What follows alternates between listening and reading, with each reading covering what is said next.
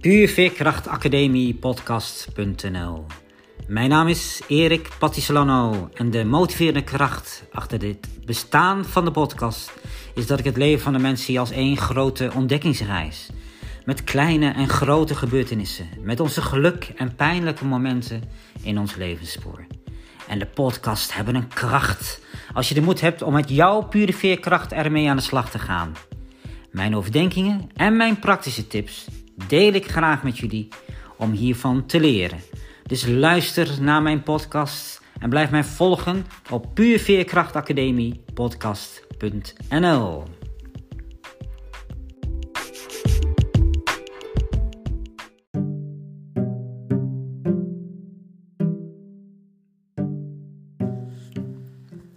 Spiritualiteit is niet in woorden uit te drukken. Aflevering 18. Ja, leuk dat jullie weer uh, luisteren. Dit keer gaat het over spiritualiteit is niet in woorden uit te drukken. Want uh, ja, ooit heb ik in het verleden eens een keer een, uh, een training gegeven voor een organisatie. En, en, nadat ik dat had gedaan, kreeg ik te horen van die manager: Erik, je bent een heel spiritueel persoon. En toen dacht ik bij mezelf: Oh, ja, is dat zo? En ja, het enige wat ik gedaan had was gewoon met een team zeg maar weer uh, aan de slag gegaan op het gebied van communicatie en samenwerking. Want uh, ja, dit, het was een team die al heel lang uh, strijd en ruzie onderling met elkaar hadden. Ja, en wat ik nogmaals, wat ik gedaan heb, is ze gewoon weer op een liefdevolle manier weer, weer bij elkaar gebracht. Ja, dat is natuurlijk wel een proces geweest. En wat je ziet is dat dan uiteindelijk toch ook weer ik noem het altijd een beetje oude wonden naar boven komen in zo'n moment. Maar tegelijkertijd ook wel weer ruimte geeft om op een andere manier naar te kijken. En ook vooral de focus te houden met elkaar uh, uh, voor de toekomst. Dus dat is uiteindelijk uh, gelukt met elkaar. Ja, en daar heb ik gewoon een hele leuke rol in mogen spelen.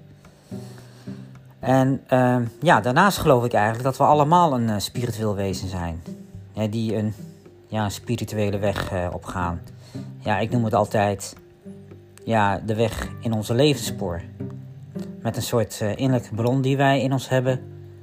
Als we bereid zijn in onze volledige bewustzijn te leven. En verder ja, zie ik het ook een beetje als een mentale, fysieke levenskunst. Om juist de dingen te, te doen die echt iets betekenen en doorwerken voor deze wereld. Ik zeg altijd, wat is dan ook de erfenis die je dan achterlaat? En ik geloof wel, juist in deze periode, voor de mensheid, geloof ik dat de wereld vooral mensen nodig heeft die een spirituele weg gaan. En tegelijkertijd ook de hartstocht voor het leven en voor de liefde onder de mensen gaande houden. En er zijn heel veel mensen die dat uh, op een prachtige manier in hun levenspoor doen. Voor mij is eigenlijk spiritualiteit leven vanuit een goddelijke bron van onuitputtelijke kracht. Het is eigenlijk een bron van liefde, de bron van energie of de bron van mededogen en zachtmoedigheid. En ja, mededogen is toch ook iets wat steeds meer dichter bij mij, bij mij komt te staan. Uh, want zoals ik het zie op het gebied van mededogen, de dingen doen, is dus niet alleen maar in woord of in tekst, maar vooral doen. Praktisch doen. En eigenlijk kun je wel zien uh, uit wat voor bron een persoon, persoon leeft. Want wanneer bijvoorbeeld iemand uit de bron van onvrede of verbittering leeft, dan heeft deze persoon vaak een negatieve uitstraling. Of een troebele, troebele bron van perfectionisme of narcisme. De bron van zich moeten bewijzen, vaak ten koste van anderen. Ik noem het altijd hè, uh, het narcistische ijdelheid die mensen daarin laten zien. In ieder geval, het put ons allemaal uit. En ik geloof dat het altijd verlies aan kracht is en energie. En vooral ziekmakend. Ziekmakend voor de ziel. En de vraag is, hoe kom je nou in aanraking met jouw innerlijke bron? En er zijn meerdere wegen, zoals ik dat zie. Eén is eigenlijk gebed of een meditatie. Als kind heb ik heel veel gebeden. En uh, ja, ik bidde altijd eigenlijk, altijd voor de anderen, eigenlijk nooit zo direct voor mezelf. En het gebed is eigenlijk dat je alles kunt vragen of te wensen wat je bezighoudt voor liefde en steun, voor anderen en natuurlijk ook voor jezelf. En het mediteren zie ik meer als het leren en te voelen om in het moment te zijn en onze geest tot rust te laten komen. Dus twee wegen uh, om in aanraking te komen voor jouw innerlijke bron.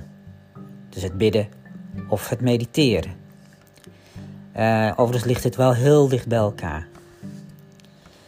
Dus resume. Willen wij een liefdevol en een betekenisvol leven leiden op ons levensspoor, dan leef mensen vanuit jouw innerlijke goddelijke bron.